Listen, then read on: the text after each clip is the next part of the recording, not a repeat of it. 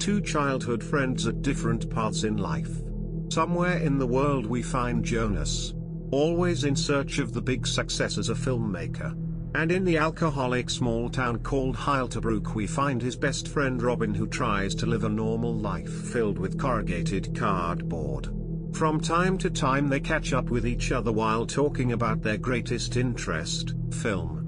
This is Filmosophy Podcast.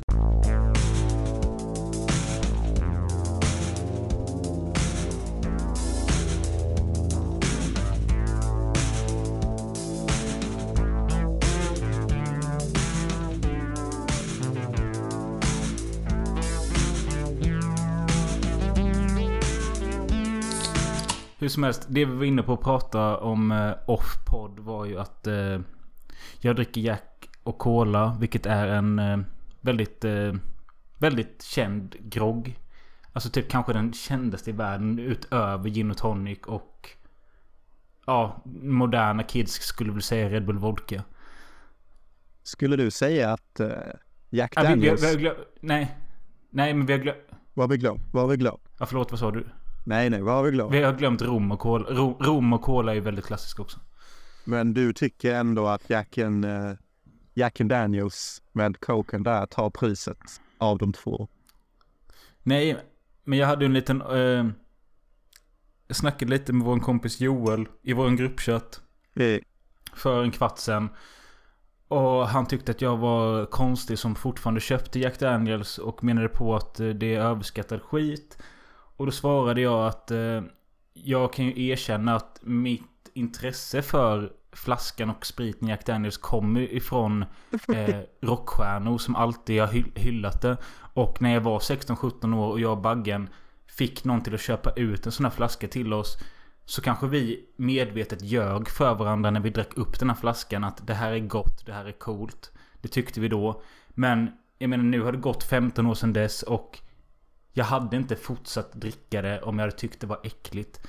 Eh, sen Nej. om jag, om jag vill sitta och njuta av, njuta av ett glas whisky, då finns det bättre alternativ. Men ska jag blanda något med cola? Det, fin- alltså jag menar, det finns en anledning till varför just Jack and Coke är en grej och inte Ballantines och Coke eller något annat. Det är ju för att Kanske att det är så att folk märkte att Jack Daniels Och just det, om det är någon whiskykännare som Lyssnar på detta och eh, redan är förbannad på oss för att vi inte är korrekta. Du Edenborg, Edenholm kanske är tillbaka. Jag vet Ja. att Jack Daniels är en bourbon och inte en whisky för den är amerikansk. C4 in the Hur som chat helst, liksom. Jack och Coke...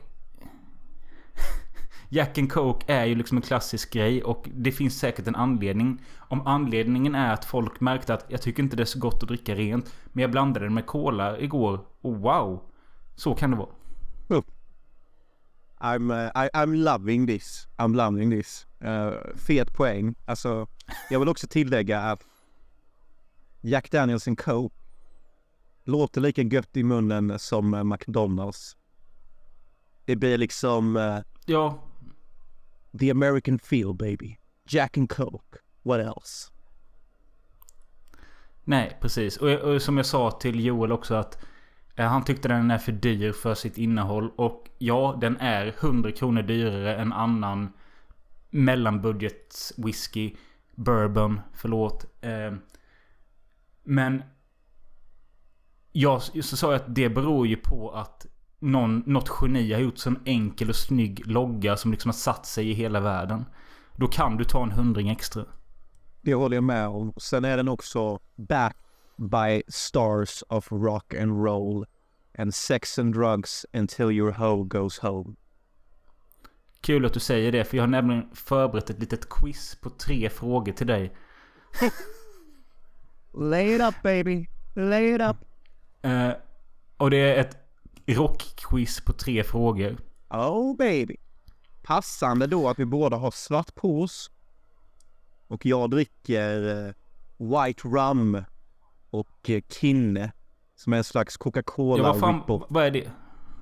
Ja, det är en billig kolvariant i Det är Malta. en Coca-Cola rip-off med bitter smak istället för söt smak. Och eh, Okej, låter... Ja, jag vet inte. den gifter sig väl med det söta vita rummet. Så... Ja, det är ju inte lika mäktigt som Jack and Dack. Men eh, det är ett quiz. Give it baby. Ja, nej. Jag, jag bara... Eh, för jag... Ah, skitsamma. Eh, första frågan. Vem var det som gjorde sig känd för att dricka Jack Coke varje dag tills hans läkare sa till honom att du kommer dö, du måste byta till något sundare. Då bytte han till vodka och apelsinjuice, screwdriver. Vem var detta? Jag vill säga Nicky Sitt. Men det är säkert trummaren i Mötley Crüe. Nej, det är ingen av de snubbarna. Eh, det är Lemmy från Motörhead. Mannen med hatten och eh, mustasch och eh, groteska pimplar. Det är nästan rätt. Jag ser inte trummisen i Mötley Crüe ut lite som han? Nej, inte alls faktiskt. Okej, okay. inte nästan rätt. Men jag tänkte typ rätt. Eh, nej, men det var en okej okay gissning. Eh, fråga två är Säg den fjärde medlemmen i Beatles utöver John Lennon, Paul McCartney och George Harrison. Ringo Starr. Snyggt. Oh. Och sista, alltså det här quizet är ju på ganska låg nivå. Men säg en låt med Europe utöver Final Countdown. Carrie baby. Stri strike Carrie. Nej, Strike baby. Bara Carrie. Carrie. Hade du, kunnat, hade du kunnat nämna en till då? The School That Rocked. Nej, nej. Det var en vild gissning. Jag, jag, jag kan faktiskt jag skulle, jag skulle, Ja men jag skulle nog säga att de fem kändaste är nog Final Countdown, Carrie, eh, Rock the Night, eh, Cherokee. Kanske du känner till? Cherokee. Äh, rock Now, Rock the Night, eh, de alltså. Ja, Rock precis. now, rock the night, oh, until the morning comes. Oh, oh, oh, Lite så va? Yes, ja precis. Ja, eh, ja, det är Filmosofi Podcast eh, men... Fett kul quiz alltså. Fett kul quiz. Jag ja, creative eh, sänkt ribba för, sänkt ribba, sänkt ribba för fett kul. ja, visst va. Jag hade en riktigt eh, kul idé idag på morgonen som jag önskar jag skrev ner. Som kallades eh, mm. Tråkiga stunden då. Mods. Mods. Nej, trå Tråkiga stunden skulle det heta. Och jag tror det skulle vara någonting ja. om att jag skulle lista upp tråkiga saker och så skulle du säga ja eller nej till hur många dem du hade gjort idag. För att definiera hur tråkig du var som person. Eller något. Men jag vet inte om jag tyckte det var en bra men, idé. du har inte gjort detta. Nej. Jag vet inte om det var en bra idé bara, men jag tänkte på en idé i alla fall. Eh, lyssnare, ni får avgöra. Var det en rolig idé? Ska Jonas förbereda en sån frågeställning till mig nästa gång för att se hur tråkig jag är? Ja, men jag, jag tycker typ det. Uh, jag, ska ha, jag ska också ha något litet game eller någon liten idé till nästa gång. Uh, det ska jag. Alltså, kul quiz Hur som alltså. helst. Du har varit sjuk. Berätta mer. Vänta. Innan jag berättar mer. Jag vill ställa en, eh, en comeback question. Eftersom du sa att ditt quiz var lite för låg intelligens. Uh, anledningen till att jag ja. vet att det är Ringo Starr är på grund av en film jag sett han skådespela i om en eh, så kallad antihjälte som är blind. Vilken film är det? Han skulle spela en antihjälte som är blind. Nej, han är med i filmen om, om denna antihjälte som är blind. Komplicerad uh, jag gjorde det. Uh. Ställ frågan normalt Jonas. Vilken mm. film är han med i? Som Ja, men jag, tänk, jag, alltså, jag kommer bara på den här jävla Blind Man. Den ja, fy fan vad mäktig du är. Det är ju den. Han är Ringo Starr med och skådespelar ja. den och blir faktiskt skjuten av Blind Man himself. Coolt. Du laggar något otroligt. Ja, jag vet inte vad det är. Vi har bara lite taskigt nät. Jag kan stänga av... Uh... Du har varit sjuk. Berätta mer om det. Yes. Nej, alltså jag har bara varit... Uh sjuk. Uh, straight up and simple. En redig man cold helt enkelt.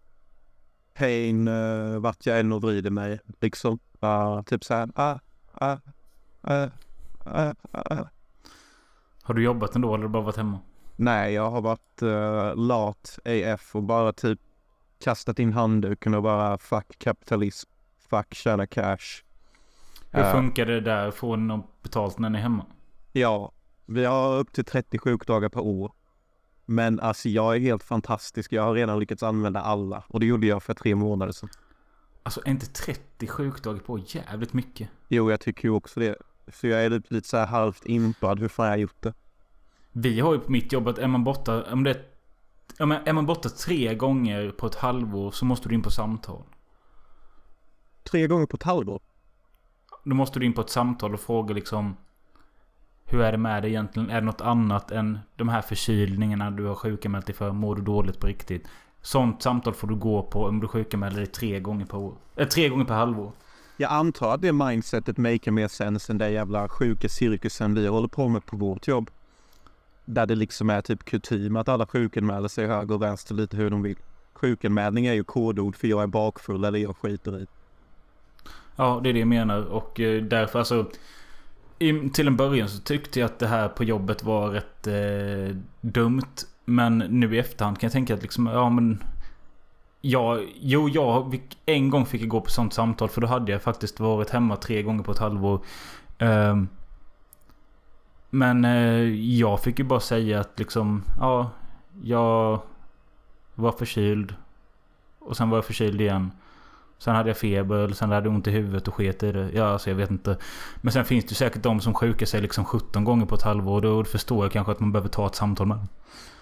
Ja, jag har faktiskt fått ett mail när de frågar typ You have a surprisingly high number of sick days. Uh, what's going on? Eller typ att chefen tar in mig på ett humör och bara Alltså hur är det egentligen? Varför var du sjuk nu och vad hände typ? Men vadå, är du sjuk ofta? Nej. Alltså egentligen inte. Alltså nu, så okej, okay, jag ska fråga om det. Är du hemma och låtsas att du är sjuk ofta? Ja.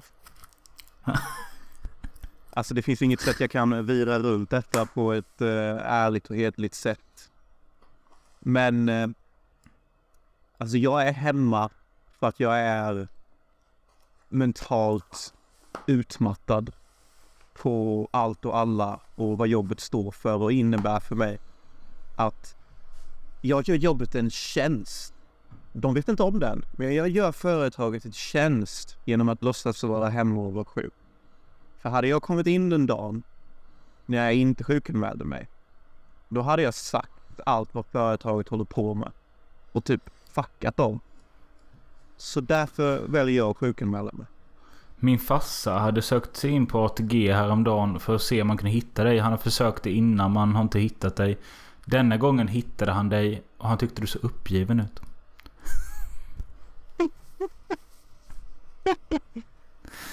Jag har ju typ blivit som eh, Woody i Toy Story. Alltså Buzz Lightyear, du vet. Du är en bitter gammal man. Och det är ju det som uppgivenheten är. Att jag känner att en monkeys fucking uncle kunde göra detta. Och att jag står över panik över det här jävla rouletteljudet varje timme för att nå en viss bonus. Alltså det gör att jag fantiserar om att typ göra många olagligheter. Du är typ som han i eh, pedofilpappen i Happiness som fantiserar om att gå runt och skjuta folk. Måste du, måste du jämföra mig med honom? Pedofilen av alla. Kan jag inte vara uh, fucking... Uh, är det någon som är bättre i den filmen? Ja men alltså Hugo Bross, eller vad fan han heter i Die Hard. Han uh, boven. Du det är ett jävla brusljud nu, vad fan händer? Det, det, det är nog bara min mikrofon. Det är inget brusljud för mig i alla fall. det är inte det är mikrofonen jag vill att det inte ska vara. Nej men alltså det är ingenting i mina hörlurar eller något. Nej, men alltså, jag hör ju bruset. Men nu är det lugnt. Nu är det lugnt. Förlåt. Det är ingen fara. Ja. Nej. Säg det till eh, kingen här som ska klippa skit. Keep on calling my name, I'll be there. Det är ju Filmosofi podcast här. Det är ju livet. Det är ju filmer. Ni är ju med på gamet liksom. Men Robin här är ju typ lyckad person.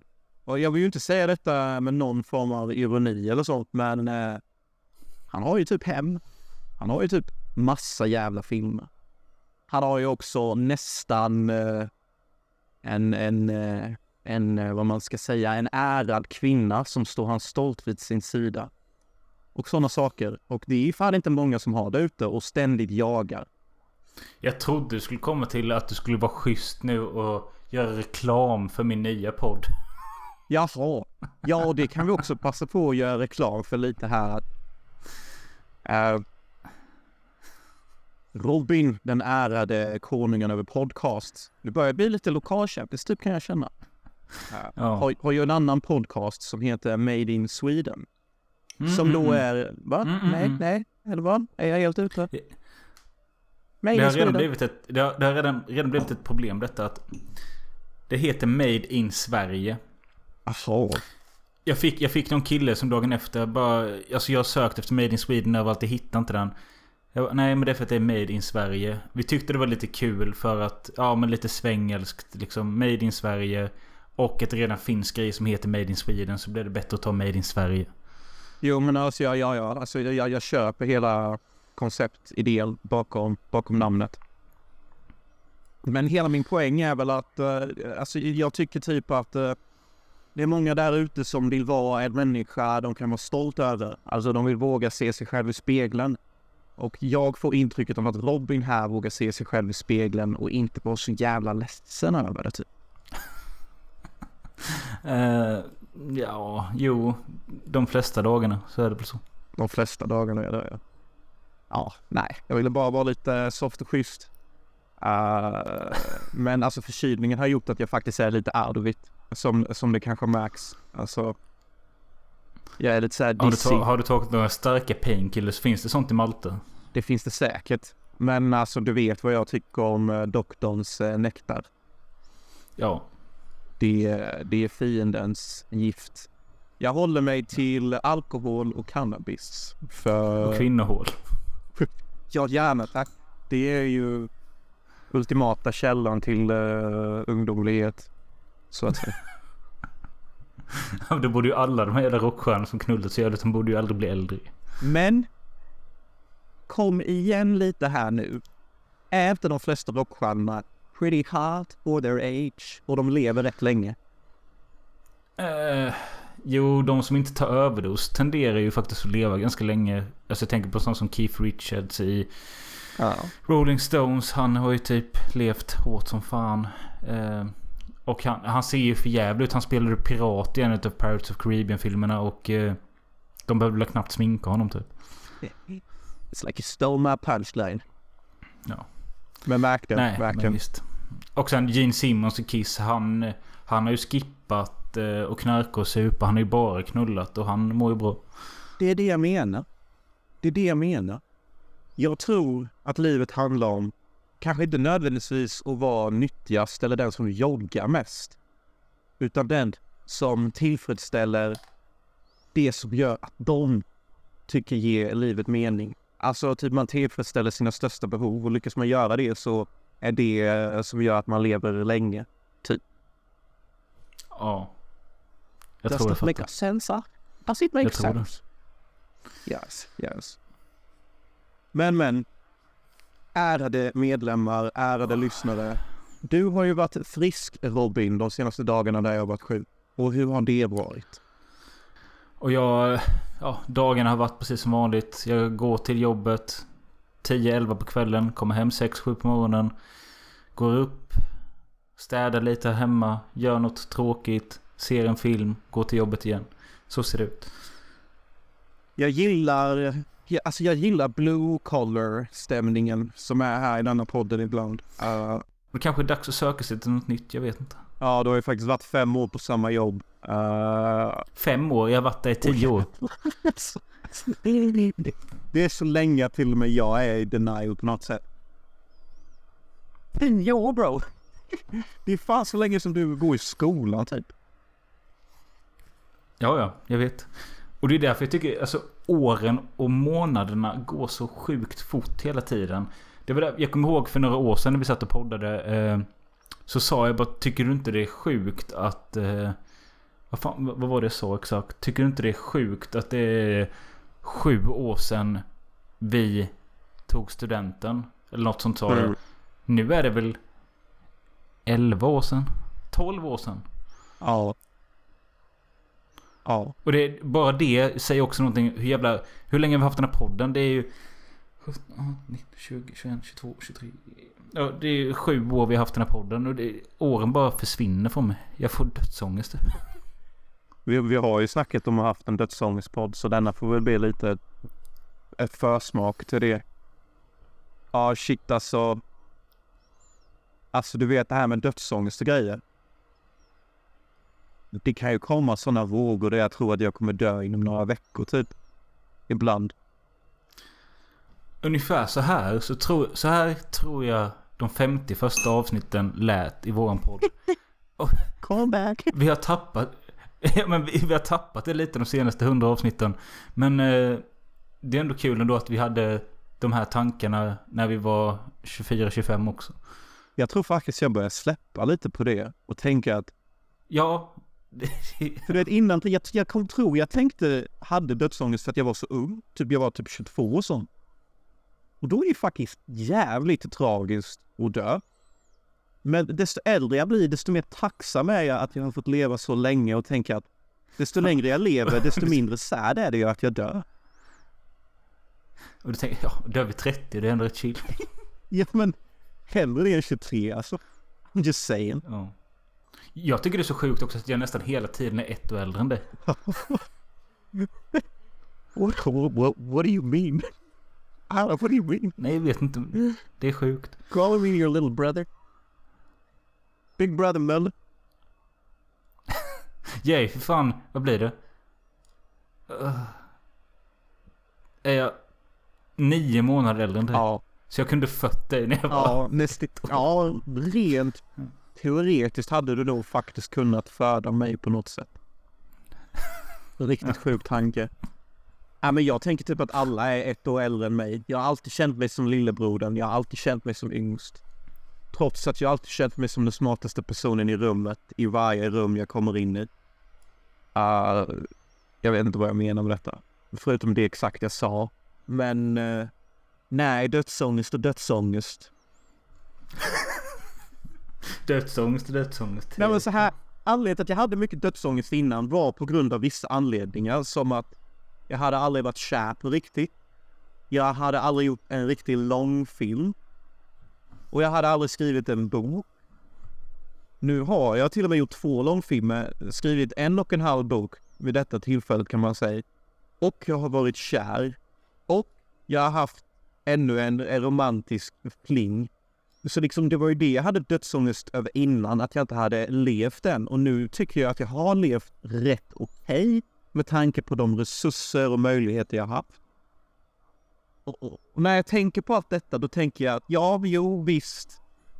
Du har ju ändå gjort någonting, även fast det har varit en jävla massa jag ligger hemma och röker weed och tittar på filmdagar i ditt liv. alltså, ändå. Men de är inte fiskar. Nej, nej, nej, no, no. Det är, det är opposite, alltså. Du vet, alltså. Har jag gjort mycket skit om dagarna eller jobbat mycket. Att bara veta att det kommer regna. Mm, musters ost om det regnar. Och jag kan chilla med joint, chilla med valfri film. Helst en ny Star Wars-film. Eller något annat episkt. Så då är det, alltså livet är rätt gött typ. Man får ändå tänka på att det finns massa fucking asian kids, black kids, hell maybe even some fucking whiteys som typ plockar sten till mobiler och jag kan typ röka weed och se en film. Ja, alltså min tacksamhet är allt jag vill. Det är det jag försöker få fram. Typ. Jag vill inte dissa de här ungarna. är detta det mänskligaste du har sagt i podden typ? Ja, jag tror det. Och jag vill verkligen inte dissa de här ungarna. Jag tycker fan synd om dem. Alltså these asians, these black kids, white kids, asian, indonesians, black asians, russian asians, everything. Alla ni barn som gräver eh, kobalt eller vad fan det heter. På ett sätt är jag tacksam för det, för jag får min mobil och min data. Men på andra sätt tänker jag, fy fan. Alltså varför? Det måste finnas något annat sätt. Vi kan inte, vi kan inte ha massa jävla barnarbetare typ. Nej, fint sagt. Fint sagt. Eh, ja, och jag förstår vad du menar liksom att det är därför jag tror... eh, Jag för mig att jag läste en sån studie för länge sedan att när man är som lyckligast i livet. Och det var många som hävdade att det är typ när man är runt 60. Shit. Eh, för att då har du liksom avverkat de här punkterna som du pratade om. Att... Ja men alltså du har varit kär, du har skaffat en flickvän och du har knullat här och där. Och du sen skaffade du en fru. Du har skaffat dina barn, du har haft ett jobb, en karriär. Eventuellt då, de flesta människorna har haft detta. Och sen då så är, har du låtit barnen växa upp. De flyttar ut. Du är hemma kvar antingen med din partner. Eller så är du själv men du är lugn med det för nu. Och då, när, där någonstans där, någonstans där ska man tydligen pika i livet.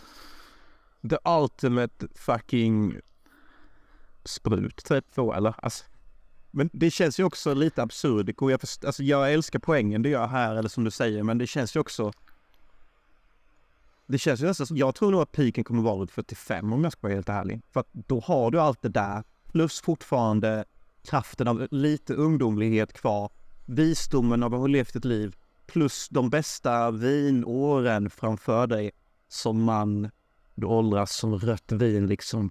Riktigt sexy early grandpa där så fältet ligger framför dig. Det guldiga fältet. The gilded ass. ja. Men eh, ja. Ja. Jag vet inte.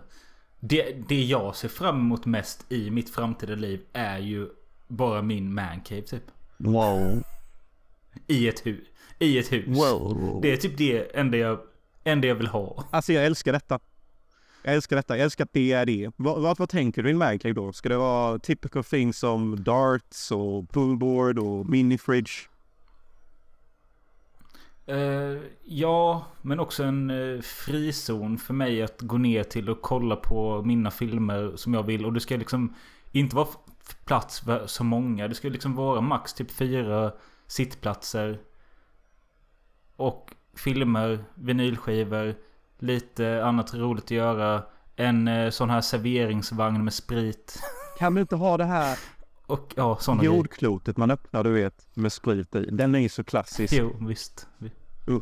Visst. Ja, men det här gillar jag. Så ska du ha projektor och sånt, tänker du? Ja, och det, jag har inte tänkt så långt. Jag är inte där än. Måste hitta ett bra hus först. Vilken anbo dröm. Jag tycker det är ett ord vi kan ta upp till uh, filosofi idag. Ja, men det är det jag menar. Låt oss, säga, låt oss säga att jag och min tjej Annie nu håller ihop. Vilket jag hoppas hon kan få göra allting. Hon kan få välja hus och hur det, vad det ska vara någonstans i världen. Hur det ska se ut. Bara jag får min lilla krypin. Ja, eh, du vet jag, har, jag hade haft exakt samma mindset om jag hade haft en fru och flickvän. Jag hade sagt samma sak. För att det är typ på något sätt sju gånger viktigare för kvinnan hur fucking ett hus ser ut. Och mannen typ skiter i så länge allt är funktionellt och han får sig ett kryp in. Ett ställe som kan vara hans typ. För, alltså, let's be real here. Hur många fucking rum behöver en man egentligen där han kan få vara sig själv? Alltså logiskt sett behöver du bara ett rum bro.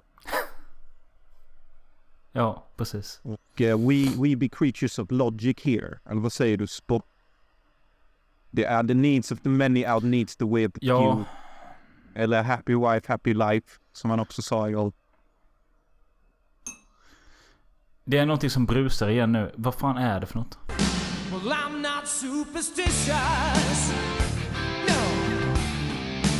Dagens avsnitt best skulle bestå av tre väldigt olika filmer. Bara för skoj skulle, skulle vi välja väldigt random filmer.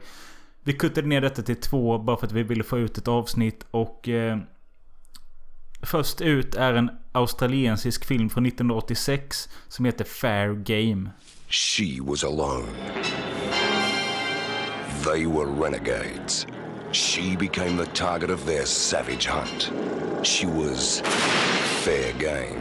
Och jag har som vanligt en eh, handling från filmtipset. Let's go! Alltså det... Det är kul ändå att se. Jag loggar in på filmtipset en gång i halvåret för att se om det är en aktivitet. Det är ganska dött där alltså. Filmtipset är då vad Lunarstorm var innan Facebook. Alltså det var the place to be fast för filmmänniskor. Så filmtipset var liksom eh, filmens svar på Lunarstorm. Och Letterbox är filmens svar på Facebook. Och Letterbox är ju det alla använder nu. Med filmtipset being good old classic Sweden. så skriver de rätt roliga filmbeskrivningar. Den unga ranchägaren Jessica kämpar för de vilda djurens rättigheter och sätter sig upp mot tre tjuvskyttar som jagar kängurur från bil. De tre tjuvskyttarna bestämmer sig för att lära den unga kvinnan en läxa och en grym lek tar sin början. Och jag vill fucking säga en sak om denna filmen. För att jag tänker redan nu säga att jag gav denna filmen fyra av fem stjärnor. Och det är på grund av det här. Era jävla... Jag vet inte. Vad ni nu är. Den första filmen som gav mig mardrömmar sen jag såg Dem. Och dem är en gammal myrskräckis från Ja, om, 50-talet. om förvuxna myror som äter människor. En så kallad creature feature from the good old 50s. När svart var svart och, och vitt var vitt. Och filmen var svartvita och inget annat. Ja, nej men eh, kul att du fick mardrömmar av filmen. Ehm, Inte kul alls. Jag såg skit fucking dåligt bro. Det, det var... Jag kände mig helt terroriserad, gjorde jag. Hela natten. en... Alltså den här filmen tillhör ju den eh, subgenre som kallas Osploitation. Alltså explo, explo, exploateringsfilmer från Australien. Eh, som hade sin prime på typ 70-80-talet. Eh, andra titlar är väl Waking Fright och... Eh, fan finns det mer? Typ... Eh, eh, vad fan finns det mer för exempel? Ja, Mad Max Eh. är ju det kommersiella exemplet. Ja, precis. Och sen på senare år så kom de här Wolf Creek och skit. Hur som helst så... Det första jag kände när jag såg filmen är att helvete vad jag gillar när filmer är utspelar, utspelar sig i den australiensiska outbacken. Alltså ute i vildmarken i Australien. Just det, Razorback är ju ett bra exempel också. Oh, riktigt bra exempel. Och jag, Ehm. jag, jag, jag älskar det du säger där för att jag har inte sagt detta i podden men jag har typ en low key fantasi. Att i alla fall typ minst fyra år leva på den australienska outbacken. Med en blond brud och hiva bass och skjuta saker. Eh, det som är genomgående för de Osplotation-filmerna man har sett. Det är ju liksom eftersom Australien är känd för sina vilda djur och sånt. Så dyker det alltid upp. Så även i denna filmen är det liksom kängurus och det är andra djur också. Men skit i det nu. Jag vill bara säga att jag uppskattar verkligen miljöerna. Och de flesta som gjort de här typen av filmerna i Australien har ju lyckats fånga miljö och djur på ett snyggt och häftigt sätt. Verkligen, verkligen. Det, det är så fina ord du säger.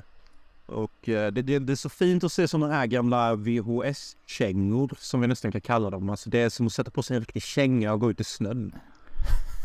Alltså det, är- det, det är liksom, det är så här old school villains. Det, det, är en brud med i filmen som är huvudperson, ni vet. Och hon, hon är sådär snygg, ni vet. Men hon är inte så här Megan Fox-snygg. Jag måste fucking sätta på tv-skärmen nu, snygg. Utan bara lite så här. Ja men henne vill jag ta ett fotografi av eller henne vill jag prata kängurusor om. Alltså back in the good old 80s och du håller med Broder Tupp. Jag håller med. Jag, jag förstår vad du menar. Det, alltså det, det var en annan stämma då typ alltså. Du behövde inte vara en bad babe. Du kunde vara Kvin- en... Kvinnan du pratar om heter eh, Cassandra Delaney. Och eh, hon gjorde typ fem filmer till. Alla utspelar sig någonstans i Australien. Mm, Två av dem låter faktiskt intressanta. Eh, men fem filmer är inte så mycket. Men eh, hur som helst, hon är väl bra och snygg som du säger. Eh, och hon tar hand om eh, djur. Och hon bor ute i något jävla skjul mitt ute i ödemarken. Och där tar hon hand om djur. Bland annat en liten bebiskänguru. En häst. Och någonting till. Och en dag, jag kommer inte ihåg hur det går till. Men då dyker det upp tre stycken.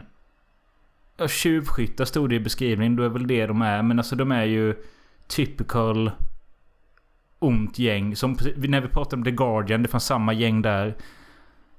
Alltså filmens downside är ju att två av de tre bovarna är som vilka bad guys som helst från en sån här typ av eh, alltså outskirts terror Ja, movie. alltså du tänker på ordet du är ute för tror jag är liksom så här...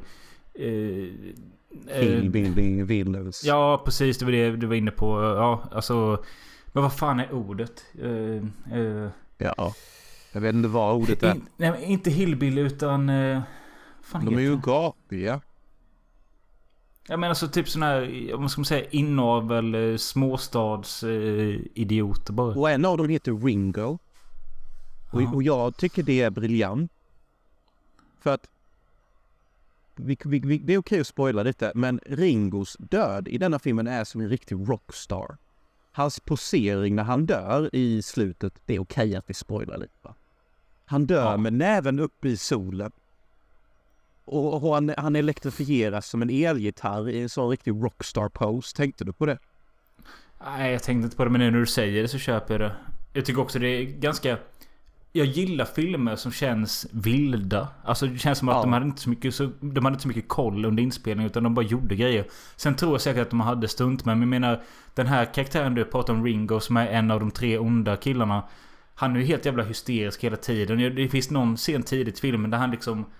De har ju en ganska stor jeep-liknande bil som kör efter kvinnan.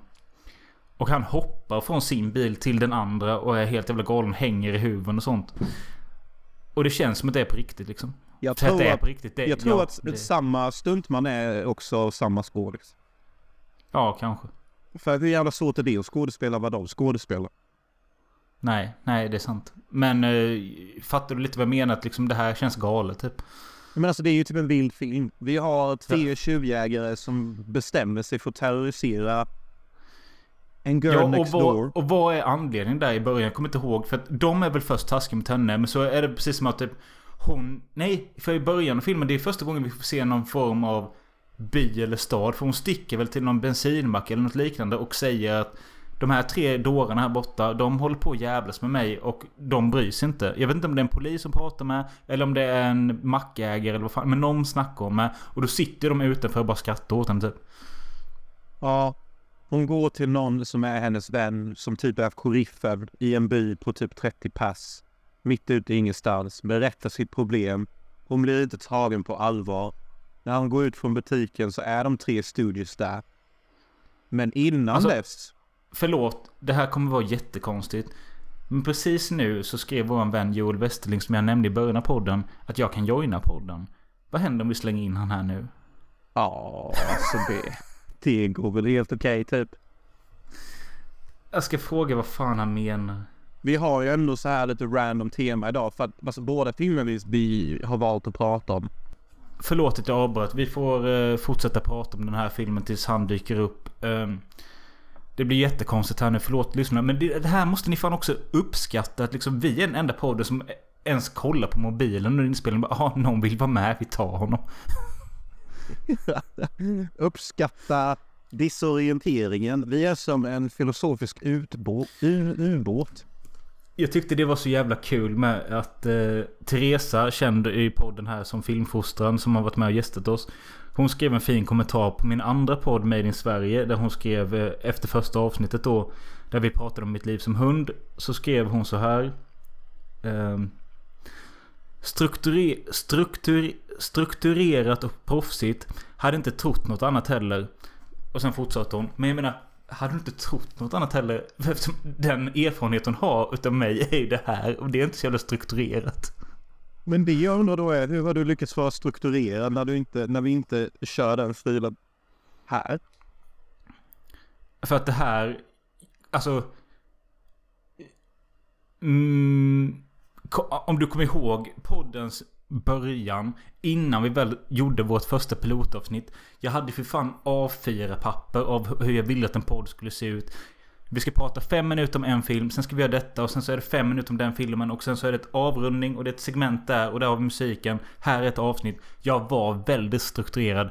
Men sen när jag fattade att jag jobbade med dig och det blev liksom vad det blev. Och jag, jag, jag märkte efter femte avsnittet att okej, jag kan inte få igenom den här strukturen jag vill ha. Att man liksom säger vad man tycker om filmen i slutet av avsnittet.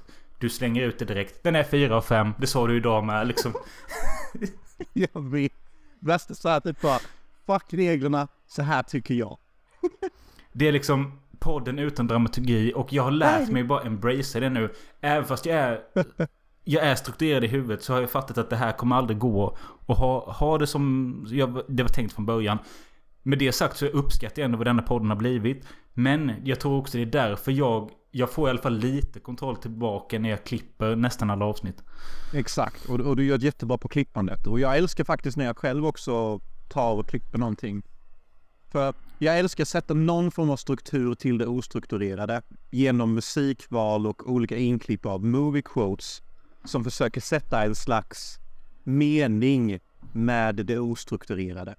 För att jag har ändå en stark tro i att även fast vår podd är ostrukturerad som nu är nyckelordet, filosofin är korrekt. Vi är livet, kära lyssnare. Gå ert liv som rörigt. planerar. Ja, livet är rörigt. Vi pratade till och med i mun här på varandra. Vad ska ni göra åt saken? Vad ska ni göra åt saken?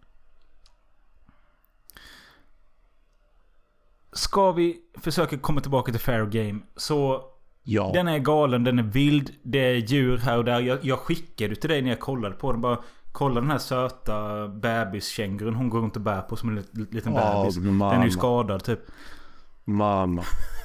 Alltså fattar du vad jag menar? Att, tänk dig en singelman som brukade ha mycket dödsångest.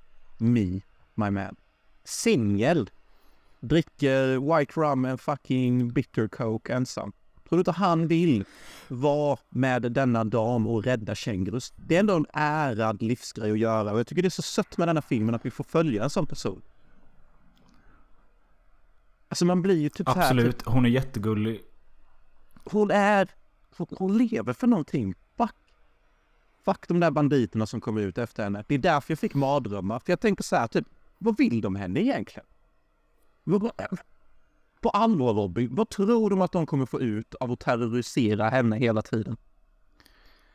Men det är det jag tycker som är, är det kanske både det intressanta och sämsta med filmen. Det är ju att de här tre bad guysen som är ute efter henne. De är bara ute efter henne för att de har tråkigt och för att de kan. Det, alltså hade det varit så att de bara hade velat våldta henne eller skada henne. Då hade de kunnat göra det direkt. Men filmen... Det tycker jag är lite svagt fast jag också förstår charmen med det. Det är ju att de attackerar henne, terroriserar henne. Sen släpper de henne, åker hem och kanske tar en öl eller duschar eller något. Hon får pusta ut. För att veta att snart kommer de tillbaka igen. Det är så filmen pågår. Det är liksom fram och tillbaka. De bara leker med henne ju. Filmen är nästan, alltså nu när jag lyssnar på dig och, och när jag tänkte att det är så, filmen, filmen är en analogi på att uh, ger du dig in i leken får du leken tåla och lek inte en lek du inte tål. Och eh, lek slutar oftast i bråk. Och jag, det är det jag kommer tillbaka till hela tiden, att denna filmen är symbolik för lek som går för lag. Men hon har ju inte valt att leka med dem. Utan det är väl att de beter sig som svin mot henne och hon... Hon, hon är en av få som säger emot kanske och därför bara... Ja, en kvinna, en fucking bitch, säger emot oss. Nu jävlar ska vi få, Nu ska hon få se vad hon har att göra med. Ja, lite så. Sen så skjuter de faktiskt hennes häst. De eldar upp hennes bebiskänguru. Och Ja, just det. de gör allmänt hennes liv rätt jobbigt. Och jag måste säga att Men, ja, förlåt, men alltså... Är det inte också rätt sjukt att den här kvinnan vågar och har valt att bo där ute själv? Men det är just därför man vill bli ihop med henne. För att man vet att hon är en... eh, Men vad fan? Hon är en blond babe liksom. Takes no shit. Skiter i societetet och systerskapet. Hon är en solobrud. Sign me up. Men hade du några problem med det här fram och tillbaka hela tiden? Att de leker lite, sticker hem igen och sen tillbaka? Alltså det enda jag tänkte är att eh, hon går ju och eldar upp deras vapen när de ligger och sover. Ja. Och då tänker jag så här, typ kära tjej, de ligger och sover. Eh, du ska inte passa på att bara typ elda upp dem medan de ligger och sover. Eller typ skjuta dem medan de sover. Eller typ kasta ormar på dem medan de sover. Alltså du har ett briljant tillfälle att mörda alla tre utan problem. Men du väljer att göra dem upprörda istället. Detta tror jag är för att hon inte begriper sig på män. Hon förstår sig inte på att om du retar en man så kommer han att hämnas. Och han kommer alltid hämnas hårdare. Och jag tror nog att manusförfattaren begrep att en kvinna inte förstår detta om män och ville göra en poäng av det. Och därför stör jag mig inte på att det är så back and forth, för att det ligger i en kvinnas natur och inte förstå sig på en mans natur. Does this make sense to you what I'm saying? Ja. Och jag tycker också att... um, eller om vi ska göra så här istället. Det finns ju uppenbarligen det som är filmens selling scene. Det är även det som är på filmens snygga omslag. Det är ju när det här gänget knyter fast kvinnan på deras jeep och kör runt med henne tills hon inte har några kläder kvar. Väldigt typisk exploitation-scen som man liksom... Jag satt här hemma och bara... Hur kan jag inte ha sett det innan? Det här är ju helt otroligt.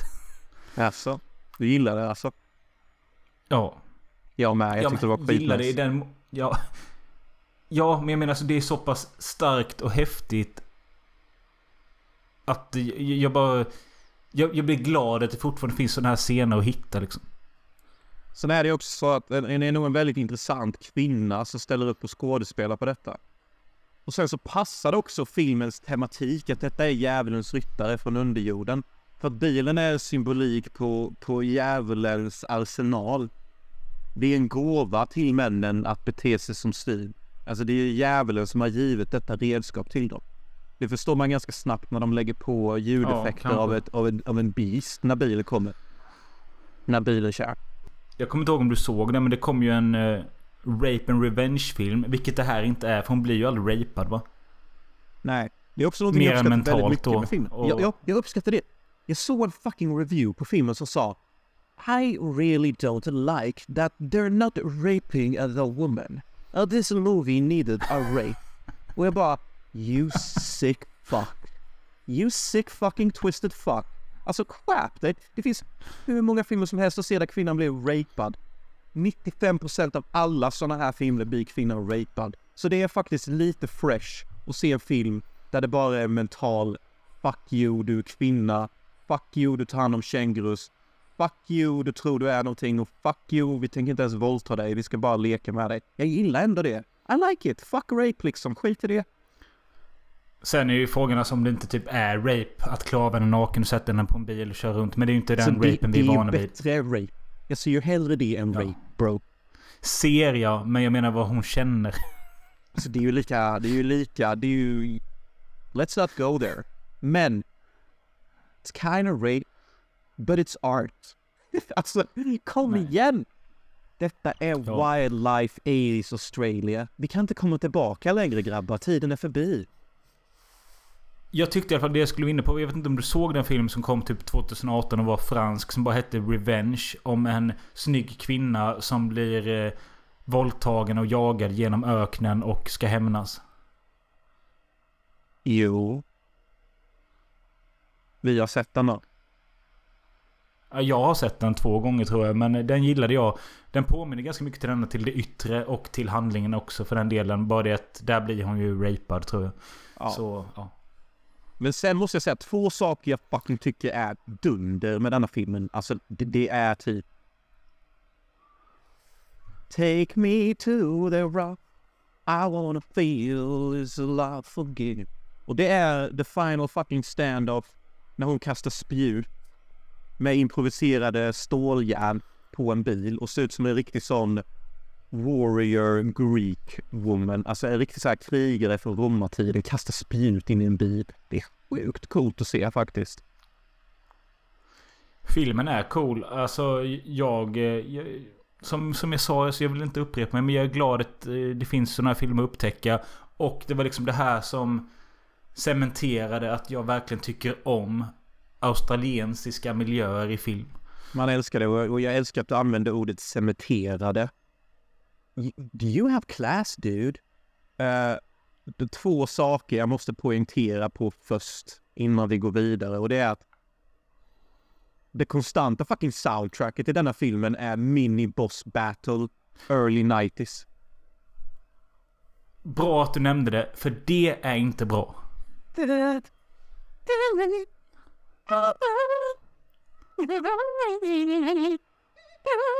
Alltså, det är bara liksom så här... Bara typ så här... Terror, skräck, se upp, spring. Hela tiden. Mini fucking boss battle, valfritt tv-spel, late 90s, not fucking kidding. Och det är take it or leave it liksom. Take it or leave it.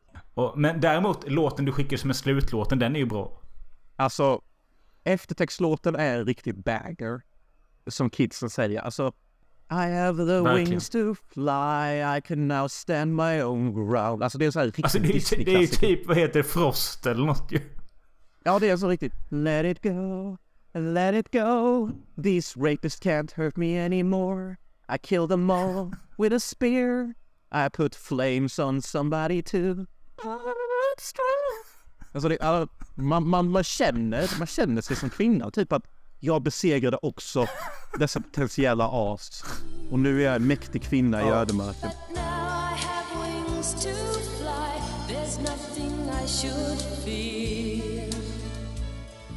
Stars are in my eyes instead of tears.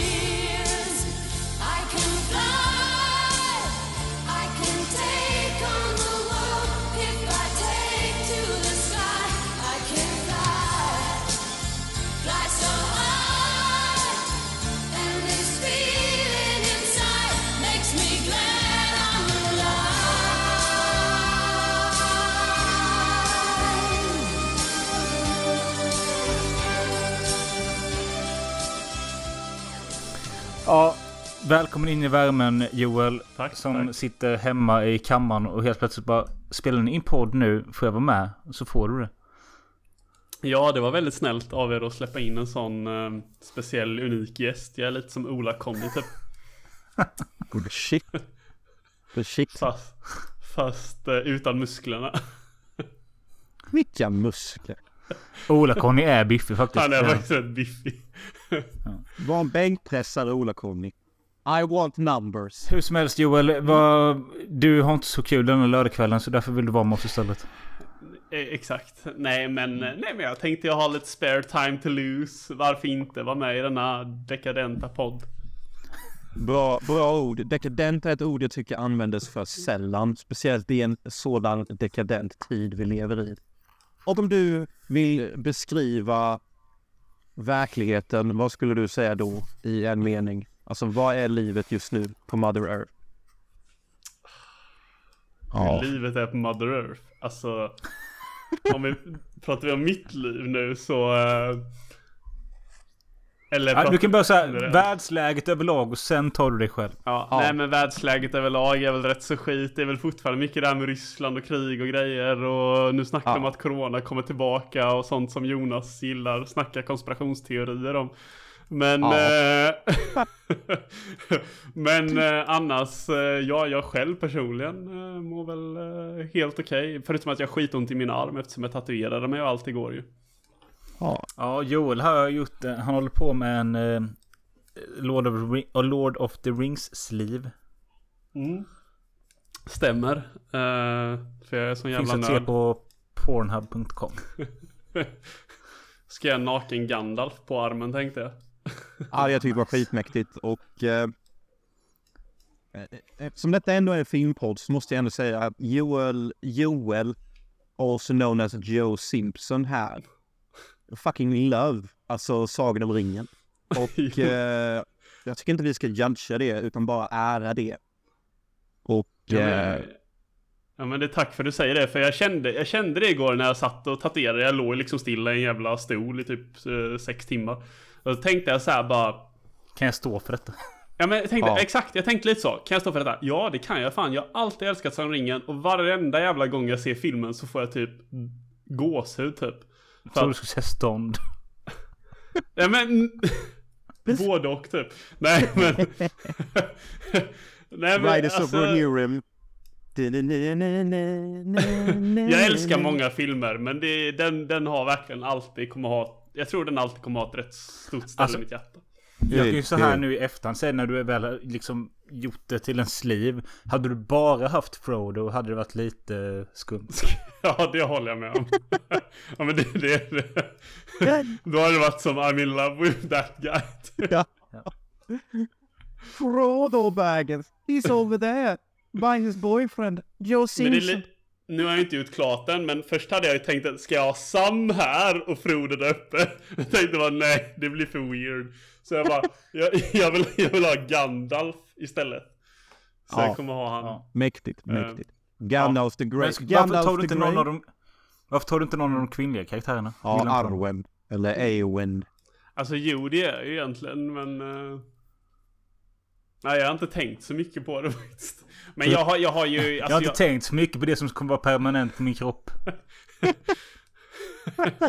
nej men visst arven är jättecool. Jag har funderat på typ ha typ Even Star eller något så här, det här Men, äh, har och stopp här för den som inte är lika nördig. Eh, arven den blonda eller arven hon eh, Taylor? Det är Liv Tyler, ja precis. Ja. Ty- Tyler. Ja, Mm.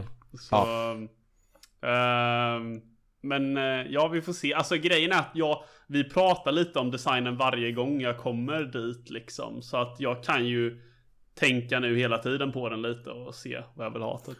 Kommer Är den skön? Eh, är den skön tatuerare eller?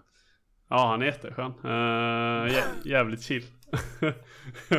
Faktiskt. Uh, Tycker han, kan också om Sagan om ringen? Eh, inte just Sagan om ringen, men han är ju väldigt sådär ändå pratar mycket om ja, spel liksom igår. Vi snackade mycket om Silent Hill och sådana grejer igår och han spelat Final Fantasy och så. Eh, så jag menar alltså han har ju, men just filmmässigt kanske inte, där är han lite mer mainstream kanske så. Han ser ju mer såhär typ. Ja men ni vet typ. Alltså Ja. sådana här Ja, tv-serier. Pirates Ramp-. Rampage. Och inte, inte Uwe Bolls utan den med Dwayne Johnson. Ja men typ Mm. så. Mm. Eh, och typ jag älskar typ Supernatural typ liksom. Bara, ja men det är ju såhär mainstream-serie typ. Det är typ så här. Supernatural alltså. Ja. Ja. Jag Dricker du gillar, vin? Vad fan är jag, det för något? Nej, jag dricker bara cider just nu, chillar man. Jag drack vin innan. Fan, jag gillar hela det här tatueringsprojektet men jag, jag tycker att publiken här som lyssnar vill ändå ha klarhet och vi vill veta vilken är de bästa av de tre. Och jag vill höra det från alla här i chatten och jag kommer börja direkt.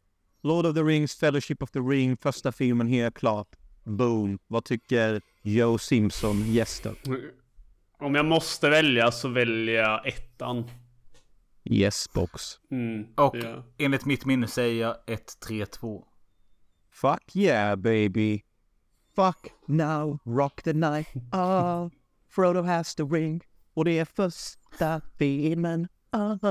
Ja, men Yeah. alltså, för min del så beror det på att det är typ den enda filmen jag sett. Nej, jag har nog sett tvåan två gånger också. Uh, egentligen, ja, i och för sig, då borde jag...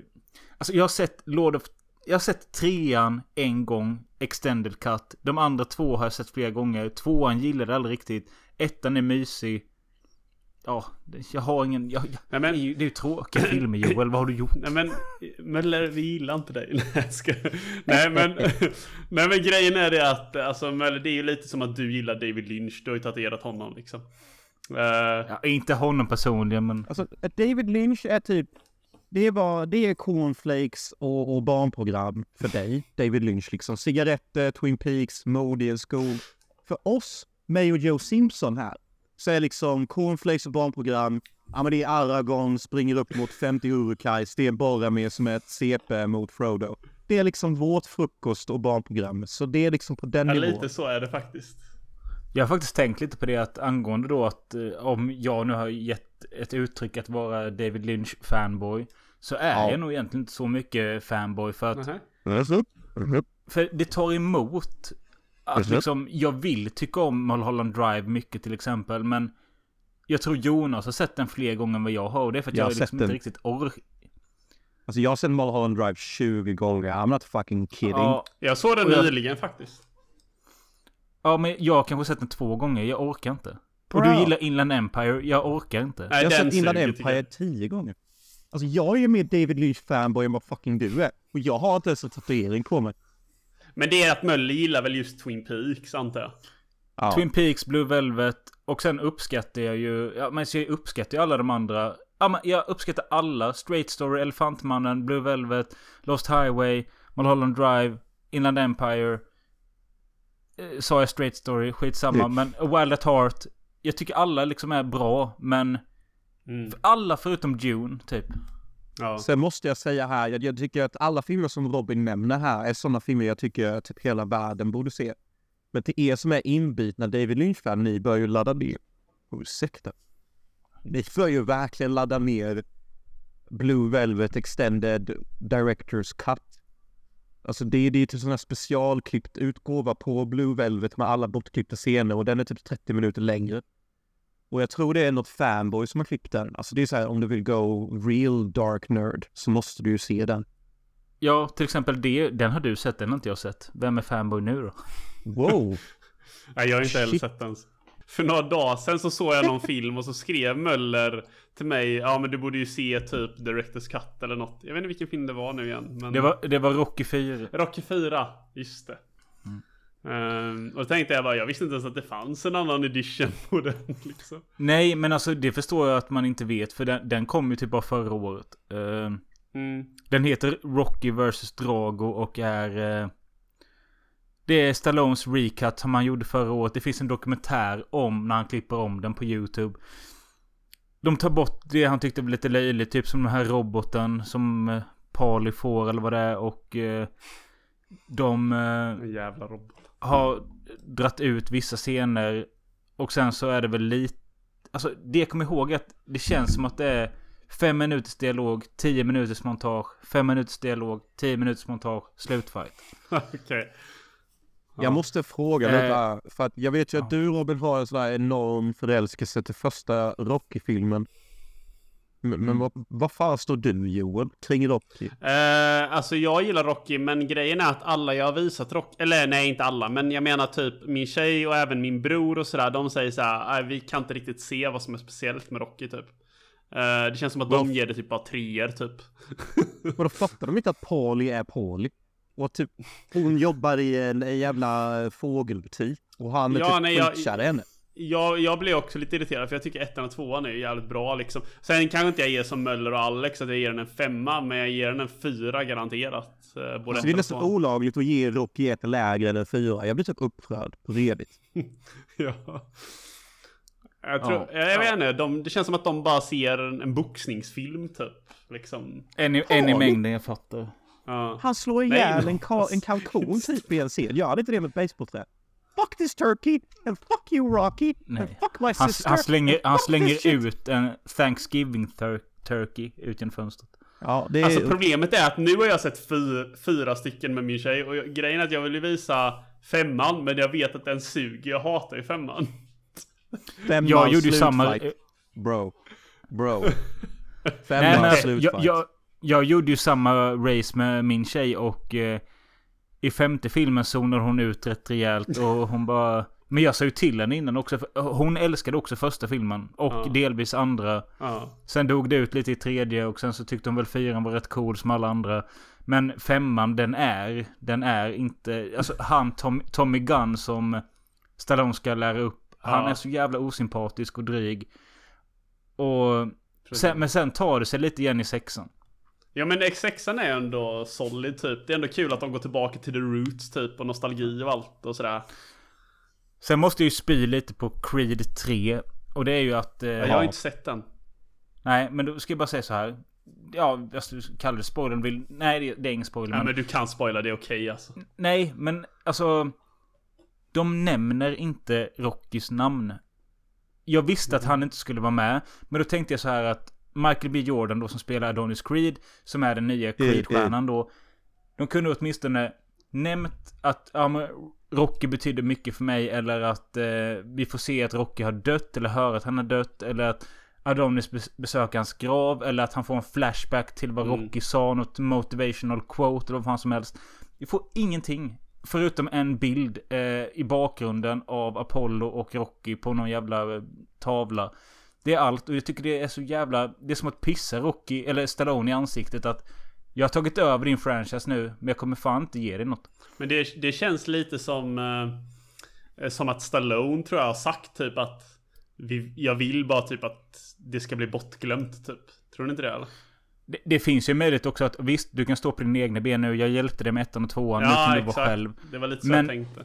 Men fansen då kanske ändå vill ha...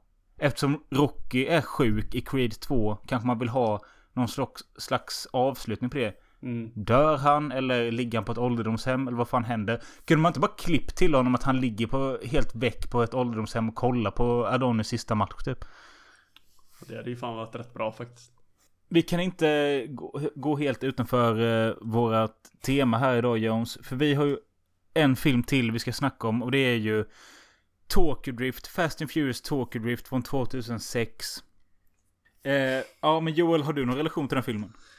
Eh, Min relation till filmen är att jag såg den för typ när den kom ut. Jag vet inte ens hur länge sedan det var nu, men eh, det var länge sedan. 2006 sa jag. ja, just det. Ehm, men min relation till den filmen är att jag tyckte det är den bästa av alla Fast and Furious-filmerna. Har du sett alla? Ja, jag har ju aldrig varit något fan egentligen över dem så, men jag tyckte ändå trean var jävligt underhållande när jag såg den. Eh, just för att den var i Japan och att, eh, ja men jag tyckte liksom den var, den var, den var ändå underhållande. Lite som Deep Sea och sådana filmer, typ Guilty Pleasure typ. Det jag måste inflika här om jag- filmen så att folk ska Ja. fatta lite varför Tokyo Drift är så omtalad i kultur om film är för att två saker. Tokyo Drift har en unik huvudperson som bara är med i just denna filmen. Så Tokyo Drift känns som en spin-off. Detta är också enda filmen i serien i Fast and Furious som utspelar sig i ett annat land. Preliminärt bara Japan, Tokyo. Så en ny huvudperson, nytt land.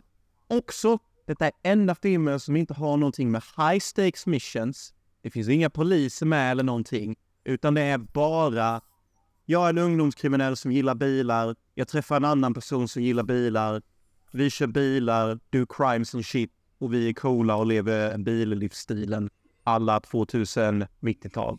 Mitten av 2000-talet. Det är tre saker som gör filmen sjukt unik, som jag tycker passar serien så jävla bra. Bara street racing, Mm. bara criminal thugs, bara i någon annan random stad som inte är Los Angeles och inga fucking poliser eller något sånt bullshit.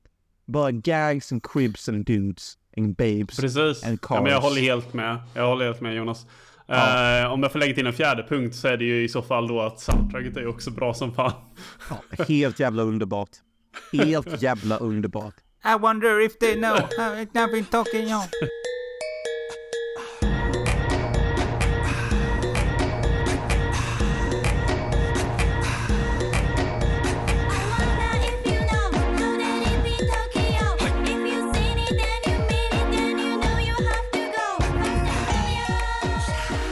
Eller när, när den här snubben visar alla sina bilar till huvudpersonen. Oora, oora, I got a good life. My life be like, ooh, ah, yeah, ooh. My life be like, ooh, ah, ooh, ah, yeah, ooh. Och eh, jag måste ju flika in med att jag fick ju Fast and Furious på VOS när den första filmen när den kom typ 2001, 2 där någon gång. Fick jag den när jag fyllde år och min farsa, jag vet inte om min farsa drömde om att jag skulle dela hans actionfilmsintresse som jag aldrig hade eller fick. Men jag fick den i alla fall och blev väl glad för stunden men egentligen var jag väl lite besviken för att jag ville hellre ha någon skräckfilm eller något tror jag. Hur som helst så såg jag den och den var väl rätt cool. Eh, sen såg jag den några gånger till för man hade inte så mycket att välja mellan och eh, lärde mig tycka om den. Sen kom tvåan, fick den på DVD. Eller köpte den på DVD eller vad fan det var. Den är ju fruktansvärt dålig. Mm. Har ni sett Too Fast Too Furious? Jag har ett kärt minne till den filmen för jag såg den hemma hos min mormor första gången. Så jag har lite så här kanelbulleminne kring den. Så jag kan inte säga ifall den är dålig eller bra tyvärr. Jag såg den också på tv när jag var hos min mormor och morfar typ, alltså det var också hur länge sedan som helst. Joe Simpson, vi lever samma liv. Represent. Det är rätt sjukt. Nej men sen då när trean kom, alltså 2006. Då var jag alltså 14. Och då tror jag att jag var för cool för det. Du var too cool for school. Okej. Ja, nej men alltså, Okej. nej men jag, jag, jag hade inget intresse för det. Sen hörde jag ändå att eh, snubbar snackade om den liksom att Men Tokyo Drift är fan bra alltså. Ja, Ja, ja. okej. Det är den fan. Den är bra på riktigt alltså. Det är kul förresten att jag läste att eh, anledningen till att de inte tog med Paul Walker till den här filmen var för att han var för gammal. Ja. Och, Sen har de ändå en person ja, som jag- är typ 30 år och ska föreställa 17. Ja, det var det jag tänkte lite på med. Och jag tror jag kollade upp att Paul Walker var 32 när den här gjordes. Men det jag inte fattade heller om Paul Walker skulle då spela den här, vad he, han heter Sean i filmen. Eh, jag fattade inte om han skulle vara tänkt att spela honom. Det hade kanske varit lite konstigt. Vad då ska vi köpa att han går i Nej. high school nu och... Nej, men det är detta vet jag menar. Nej, men, eh, ja, men det ser man ju alltså verkligen. Att de passar Ja. inte in. Nej, nej, precis. De är ju, de är ju Eh. så mycket äldre ser man ju. Jag tyckte också att taglinen till filmen...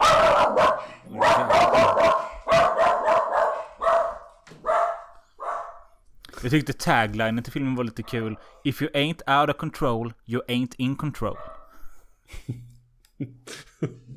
Det är verkligen Yes. så 2000-tal. I guess. Men You det är typ såhär bara... Vad är det de säger nu? Det är typ såhär...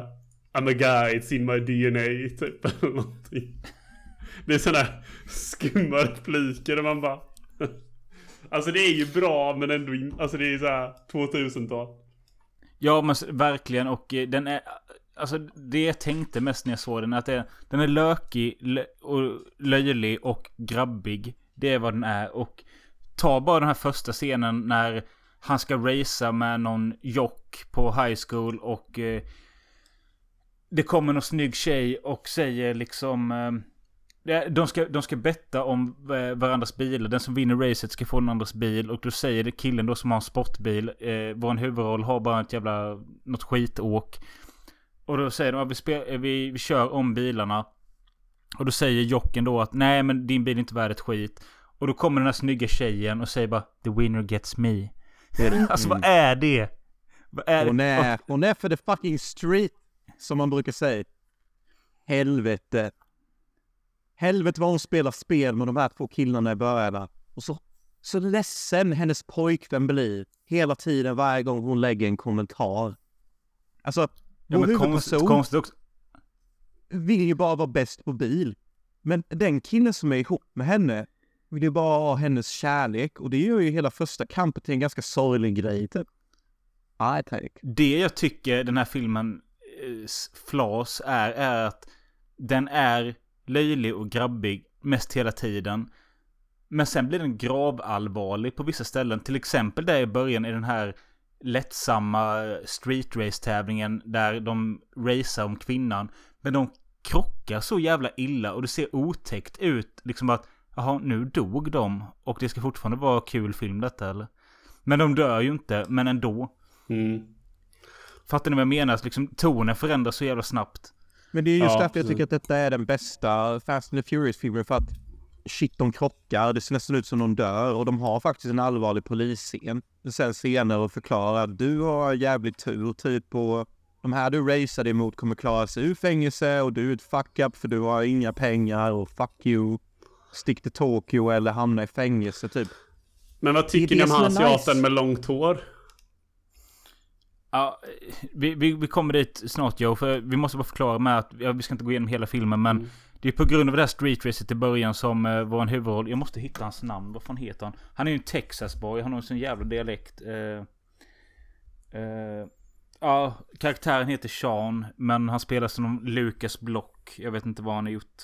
Han är tydligen med, fast du, du sa att han var den enda som inte var med i någon annan franchise än Jonas. Han är med i sjuan, nian också. På redigt? Ja. Nej men tjena, tjena, Men jag tjena. har för man har sett han i trailern. Ja, jo men det... Ja, men alltså Ja, serien blir så som jävla helst. rörig. Så är det på grund av den här eh, street racet i början. Han blir eh, tvångsflyttad till sin farsa som tydligen bor i Tokyo. Eh, och det är så jävla kul att när han väl kommer till Tokyo och ska börja gå i skolan där. Så på rasten så går han och sätter sig i matsalen jämte en kille. Eh, en svart kille som eh, försöker börja sälja grejer till han typ iPods och skit. Och sen så fort de bara nämner något bara. Ja, jag, jag är också street racer. Va, alltså du, du ska vi tro att liksom varannan person i hela världen vid denna tiden är street racer typ. Men Hur fan Ja. kan han sätta sig jämte en person i den är street racer? Och likadant, det är en tjej som sitter och kollar in i klassrummet. Och vad visar hon sig vara? Jo, street racer. Men alltså detta är så att han lever ju on the edge. Han är ju, han är ju vad Gen Z vill vara. Han manifesterar hans liv dagligen. Han attraherar allt som är honom. Street Men- racers och sånt. Men söker man logik så ska man ju inte se de filmerna. Jag menar... nej, nej, egentligen nej, inte. nej, absolut inte. Men jag tycker eh, Men, eh, Johan här tog upp en riktigt bra Ja. poäng för att den killen vår huvudperson joinar leagues med eller blir en teamboy med är ju vad jag tycker är den bästa karaktären i hela franchisen, Han. Som då Mm. är faktiskt bättre Han, än ja. The Han Solo tycker jag. Och det är ju asiaten Han som äter chips hela tiden och är en riktigt filosofisk och bra polare till vår huvudperson. Men jag gillar han som fan faktiskt. Alla Ja, älskar Han. Jag, jag, jag säger inte emot, han är bra faktiskt. Jag menar, och sen också huvudrollen. Ser inte han ut som han i Avatar? Jo. Han ser ut som Eminem tyckte jag. Em- What? Nej. Eminem i 8 Mile typ. Nej, han ser ut som han i Avatar. Jag har inte sett Avatar så jag vet inte. Och sen, alltså, vi har ju inte snackat om det, men vi, jag måste också trycka in att jag tycker det är hur fantastiskt som helst att de låter honom ha denna hillbilly accent. You know I'm a ganji, Ja. you know. I come from Texas. I like fast cars and fine ladies. And now I'm in Ja, det- Tokyo. Fighting det är for verkligen the så bara- love. Understand that? Do Gaji. you understand? I'm in Tokyo. An American. You understand that? Men. Joel, du som har sett fler Fast and Furious-filmer än oss då. Kan du förklara varför karaktären... Ja, för det första. Jag har inte sett Karaktär- mer. Jo bro, hade inte du bro, sett bro, alla? du är det mäktige. Nej, jag har inte sett alla. Nej, nej, nej. Bro, nej, du är det nej. mäktige. Jag har ju bara sett 1, 2, 3. Ja, det är de jag har sett också. Jaha. Men då är det jag Nej, här men som har jag- sett alla. Men jag, jag har ju sett trailers på resten. Det, Det räcker typ. det, räck, det räcker. Vin Diesel. Men eh, Har ni inte sett den senaste trailern? Så jävla överdriven. Holy shit. Nej. Jag har inte Han sett senaste. flyger över broar och berg och så bara skjuter han ut en lina och så bara svävar bilen bara. Man bara, vad fan hände typ? Och Vin Diesel bara, we're family. Typ man bara, what? men det, det, alla det, trailers, det, de senaste sju filmerna. det, Ja. jag tyckte det var intressant dock att den här snubben som vi kallar honom som heter Han.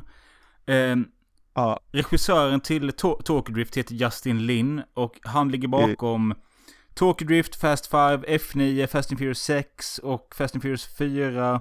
Men han har även gjort en film som heter Better Luck Tomorrow från 2002. Och där skapade han karaktären Han i en franchise som inte tillhör Fast and Furious. Men sen tog han in karaktären Han till Fast and Furious, vilket jag tycker är rätt intressant. och det är samma skådespelare eller? Ja, precis. Det tycker jag är Ja, det fantastiskt och jag vill faktiskt se den filmen direkt för att Okej, vi har varit lite goofy loser nu, men jag tycker att varje scen med Han, när han säger någonting, han säger många viktiga saker. Han säger att du blir de du umgås med. Livet handlar om att göra val och aldrig se tillbaka. Livet han är handlar typ om lite att ha... filosof typ. Ja, han är så himla filosofisk och smart och han säger också att livet handlar om att ha människor du kan lita på runt dig. Pengar spelar ingen roll, endast karaktär spelar roll. Och det är alltid någonting jag tycker att den här fucking franchisen alltid saknar. Ett uns av intelligens eller mänsklighet, typ som både vår huvudperson och Han tar in i denna fucking filmen. Jag tycker det är så jävla intressant att eh, karaktären Han dör i den här filmen Tokyo Drift. Spoil spoiler, men... Ja, big spoiler. Men är sen med i Fast 4, 5, 6, 7, 8, 9. Han är alla dem. Han är med alla. Hur? Hur? hur? Men det är rätt sjukt. Jag läste att den filmen han gjorde som heter Better Luck Tomorrow, den handlar ju om fyra asiatiska high school-ungdomar i USA som börjar tjäna pengar på mindre brott. Och sen handlar det om ja, våld, exakt. droger. Ja, men då kan man ju ändå se att det blir en eh, smooth övergång till att dra in hans karaktär till Fast and Furious. Ja, precis. Detta låter som en prolog till Tokyo Drift. typ. Ja, kanske. Mm. Det är ju rätt smart egentligen att göra så, typ bygga upp en karaktär genom en annan film. Ja, Alltså, det är faktiskt intressant. Ehm, mm. Ja, nej men Alltså- har ni något mer att säga om filmen då? Alltså, ja, alltså, att eh, filmens ant- antagonist, den onda, eh, han kallas för DK och det står för Drift King. det kommer inte jag ihåg, men fan vad kul. Och Jag sen också, också- att de väljer liksom... Vi, vi, är, tre, vi är tredje filmen i franchisen. Ja, okej, folk har fått se Street Race nu i ettan och tvåan. Hur ska vi utveckla detta? Ja, drifting, alltså sladda. Det är ju Mm. häftigt. Ja, så tänker jag så här som tittare, va? Men är det så kul på att se... Alltså, är det kul att se bilar sladda? Jag vet inte. Det är så jävla lamt på något sätt. Det var ju coolt när man var yngre typ. Man bara jävlar, holy shit. Alltså, det, det kan jag säga, när, när jag spelade... När jag spelade Need for Speed Underground 1 och 2, de spelen. Så jävla bra spel. Kingen! Kingen Robin! Ja, upp med, Det må- upp med det- Holy det Diver. Det är inte många spel jag har spelat, men de har jag spelat och där var det kul att drifta. Ja, Som fan. Hur fan kan du snacka skit om drifting och sen bara säga att nej, jag spelade alla spelen och driftade alla bilar. Du Fan, ni för- uppenbarligen älskar ju det. Need for speed är fan det bästa som ever made. Yeah, dude. Men alltså det Obviously. känns verkligen så. Jag, jag vet att det fanns... Eh, det fanns typ Need for Speed 1, 2, 3, 4 kanske. Till Playstation, kanske data. Uff. Eh, men sen känns det som att när Fast and Furious kom, det var då Need for Speed Underground kom. Och de har tagit väldigt mycket inspiration från filmerna tror jag. Verkligen. Verkligen. Jag, jag blir helt dubbelförvirrad där. Möller la en sjuk monolog och Joel här visade sin sjukt coola eh, The Fellowship of the Ring-tatuering här. Alltså jag, jag tycker det finns så mycket typ, passion för film här, typ. Så det, är- det är ändå någonting jag uppskattar att vi bevarar som människor. Typ, för det är ganska lätt att bli deppig och hatig och hata allt. Och det är därför Men det är skönt typ- att vi har samlats här för att prata om sådana cinematiska mästerverk som Tokyo Drift. Som ändå är ett cinematiskt mästerverk. Jag tycker ändå vi ska erkänna det. På. Alltså, En annan... Är det? den är ju lätt den bästa typ av alla. Men du har sett tre! Du har sett tre! Ja men det räcker, har du sett trailerserna? Har du sett dem eller? Det är typ, då blir det inte Drift King längre, då blir det typ Fuck King och man bara vad fan är det här typ? Alltså, Alltså Tokyo Drift. I can fuck. Eh, jag har faktiskt varit lite sugen på att se sjuan. För det är den som all, alla håller väl typ sjuan som den bästa. Och det är ju den där Paul, Paul Walker dör. Det är, där faktiskt den jag aldrig har sett. men det är ju bara för Men att du har han, inte det är bara för sett att dem han, Jonas. Du har inte sett någon. Men, men Mölle, det är ju bara för att han jag såg dog fan åttan på bio. Jag laddade ner Cam på nian, sexan och femman typ. Don't, don't judge. Men han dör i alla fall i sjunde filmen och därför blev ju den hypad och eh, det var ju till den låten, den här jävla skitlåten kom. And I see you, my friend.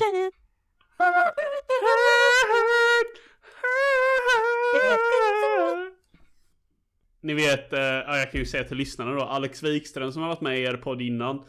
Han och jag, vi är väldigt nära vänner och vi brukar ju spela den låten varje gång vi så här typ delar på varandra typ. Han går hem till sin lägenhet jag går hem Helvete vad detta låter. Och, och då, då sätter han på Vad den. menar du dela på varandra egentligen? vad gör ni då när ni delar på varandra? Nej men Vad typ, helvete nej, är typ detta? som om du besöker Möller och sen bara, ah, nu, Nej, nu åker jag till Hawaii typ. Och då bara, då bara sätter Alex alltid igång den låten typ. Och jag bara, don't do this man. Ja okej, jag fattar då. Okej, det, det är inte Ja, så det- suspekt som det verkar. Nej, det, Det är gulligt. Men eh, lite skitgulligt. snabb tri- trivia om filmen så såg jag att eh, 100 bilar kraschades och gick sönder in, under inspelningen. Nice. Eh, 2000 däck gick åt helvete. Makes Det är sense I guess. det är ju sjukt som Ja. fan. Ja. Eh, ja, nej det var de jag hade. Okej, thanks for the trivia. det fact. 2000 bilar dog. 3000 däck brann. I- Ja, det är en bilfilm för helvete. Ingenting liksom. om människorna så här liksom. Jo men det var ju det som jag nämnde innan med att Paul Walker var för gammal. Och att det är den enda filmen som han inte är med i. Förutom efter hans död då. Ja. Men vad jag stör mig på, jag har inte sett de nyaste, men vad jag stör mig på i alla trailers det är ju att Vin Diesel alltid ska komma in och bara We're family. We're family. Ja, det, det, kan vi snacka, det kan vi snacka lite om. Alltså, det stör mig också något otroligt att eh, där i slutet allting är fint och uppklarat. Så är det fest och så bara, ja, de hänger ju tydligen alltid i något jävla parkeringsgarage. och så bara- Parkeringshus ja. ja. Så jävla low class alltså. Okej, det, det är en kille som vill racea. Men jag har ju lovat att inte racea. Ja, men du måste göra det med denna killen. Ja, okej. Ja, så är det då Vin Diesel. Och där kände jag direkt bara... Fan vad jag inte tycker om Vin Diesel. Vem fan tycker om honom? Han tycker om sig Nej, själv typ. Ja. Word. Nej men grejen är att eh, The Rock är ju mycket bättre i så fall. Jag Ja. vet inte. Men alltså Eller ja, hur som mycket helst. kanske inte, men, men han är bättre. Va? Ja, men det roliga där är att Vin Diesel är där för att racea i In the honor of his dead friend Han. Mm. Och det är det jag menar. Det- Liksom, nu vet jag ju inte hur de utvecklade. Men eh, Han är ju med i fyra kommande filmer. Om det inte är via flashbacks då. Så tycker jag att filmserien blir ännu löjligare än vad det redan är. För det betyder att ett dödsfall är inget dödsfall och allting är bara ploj. För liksom du kan återuppliva vem som helst. Som man gör i många franchises i och för sig och i tv-serier. Men... Det, det, det, alltså okej, okej, okej, alltså till filmseriens försvar så har de sagt att detta utspelar sig efter alla uppföljare. Så detta är typ som en... I don't know, prequel I guess or whatever. Jag försöker inte hänga upp det på det. Alltså det, det viktiga här med det du säger är att Han var så populär att de typ var tvungen till att ta tillbaka honom för att han resonerade så bra med den mänskliga publiken. Och det är det viktiga i det du säger. Att han, av alla fucking karaktärer i serien, var den som drog in publiken. Inte Vin Diesel. Han, en fucking asian som äter chips. Men vänta här lite nu. Sa du precis att Tokyo Drift utspelar sig efter alla andra? Eller innan alla andra. Innan är det ju. Innan såklart. Innan han exploderar i bilen. Det var så de förklarade det. Typ att jo visst, han dog i bilen. Men detta var innan allt. Kul att Vin är typ Diesel en då... framtidsfilm. Ja, jag orkar inte ens bry mig typ. Detta är typ som Highlander typ. Alltså don't think about it. Just accept it. Typ. Vad tycker ni om tjejrollerna i filmen då? Eh, ja, Mm. jag kommer knappt ihåg kvinnorollerna. Jag kommer knappt ihåg Drift King heller. Eh, eh, Men det är en av de som... glömma Drift King? Det är en av de som ser ut som hon i Mission Impossible 2 typ. Det är väl typ en huvudtjejen typ. Ja, men huvudtjejen är, eh, spelas av Natalie Kelly och henne kände jag igen direkt. Eh, men det jag kände igen henne från är konstigt för hon är med i tre minuter i eh, den underbara komedin Take Me Home Tonight. Jaha. Och sen, Hon- detta kommer shock your minds. Men hon är faktiskt med i en Bruno Mars musikvideo också. That's fucking random. Är det din favoritartist? nej. nej, verkligen inte. I'm Men, catch a Men eh, visst, hon, eh, det, det jag vet om henne det är att jag tror faktiskt hon har australiensisk påbrå och asiatisk påbrå. Vilket är varför hon passar in i Tokyo typ. Ja. Och just det, det kan vi säga till de som lyssnar med att enda anledningen till varför vi pratar om den här filmen är för att vi hade bestämt oss, jag och Jonas, att vi ska prata om helt olika filmer. De ska inte ha någonting med varandra att göra. Jag valde den här Fair Game och så sa Jonas, vi borde se någonting som utspelar sig i Tokyo. Och då skrev jag Tokyo Drift. Och här är Eh, eh. Alltså jag håller inte med riktigt där det innan. Var det Möller eller Jonas? Det var någon av er som sa det här om drifting. Att det var dåligt typ. Det var Möller va? Det var Robin. Ja, nej men eh, vadå, det är ju det, det är typ det som är det coola med filmen egentligen väl? Alltså om jag minns rätt. Alltså det, det är ju såhär spä- titeln det är ju på spä-. Ja men det är ju också, det är spänning som fan när de driftar i slutet och allting liksom. Det är så här. Men kan det vara för att för mig Ja. som inte ens har ett körkort eller kört bil.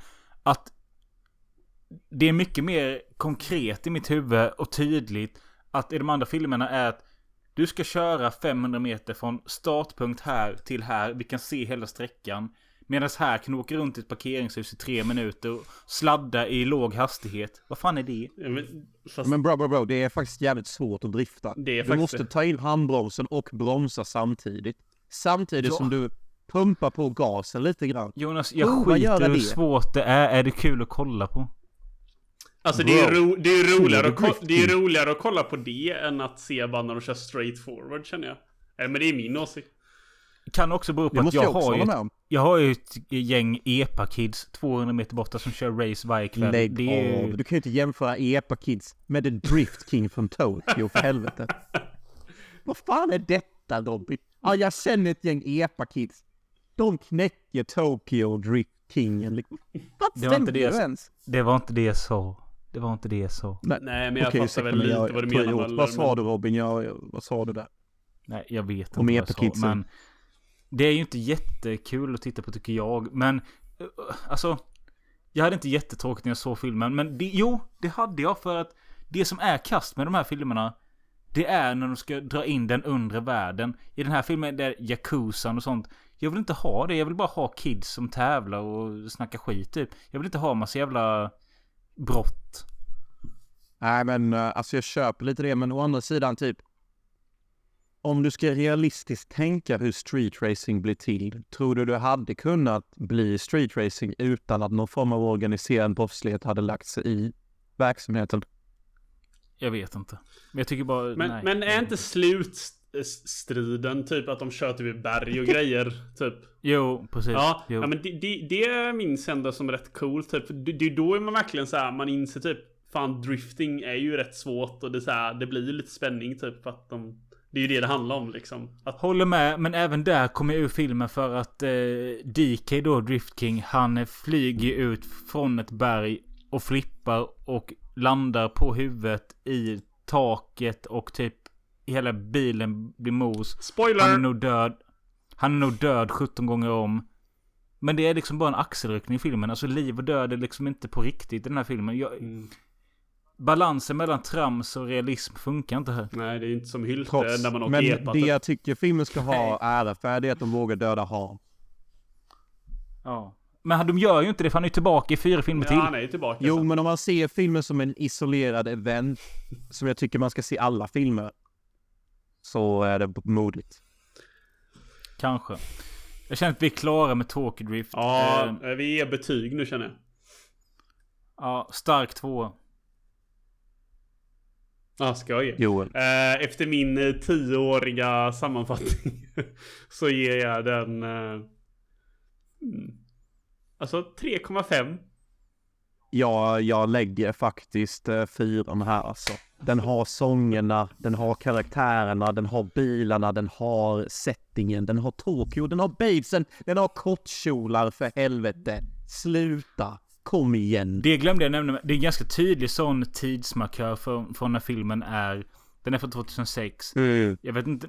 Och det är typ två, tre gånger i filmen. De verkligen zoomar in på att folk filmar med sina kassor mobilkameror. Och det, Ja. det var ju för att mobilkameror var nytt och häftigt. Ja, och det är också två, tre gånger filmen zoomar in på Asian fucking skirts. Som är kortare än mina fucking ear swaps. Ja, nej men den, den är ju, den är ju fan en av de bästa. Eller nu har ju inte jag ju sett alla dem, men det känns som att det borde vara en av de bästa. Det är det, det är den, så det är den enda, den och första är den enda som är värd att se. En sak jag Jag vill avrunda denna podden med, uh, just ett specifikt avsnitt nu när vi ändå har Joel som gäst här är att vilken är den bästa karaktären i Ashoka, eller Asuka, alltså Star Wars TV-serien just nu och varför? Nu har inte jag sett den Jonas, så det är lite svårt. Ja. Det är inte Alex, det, Då det är inte Alex du pratar med. Tack för att du kom Joel. Vi hörs Tack, när vi tack hörs. I tell me talk, you'll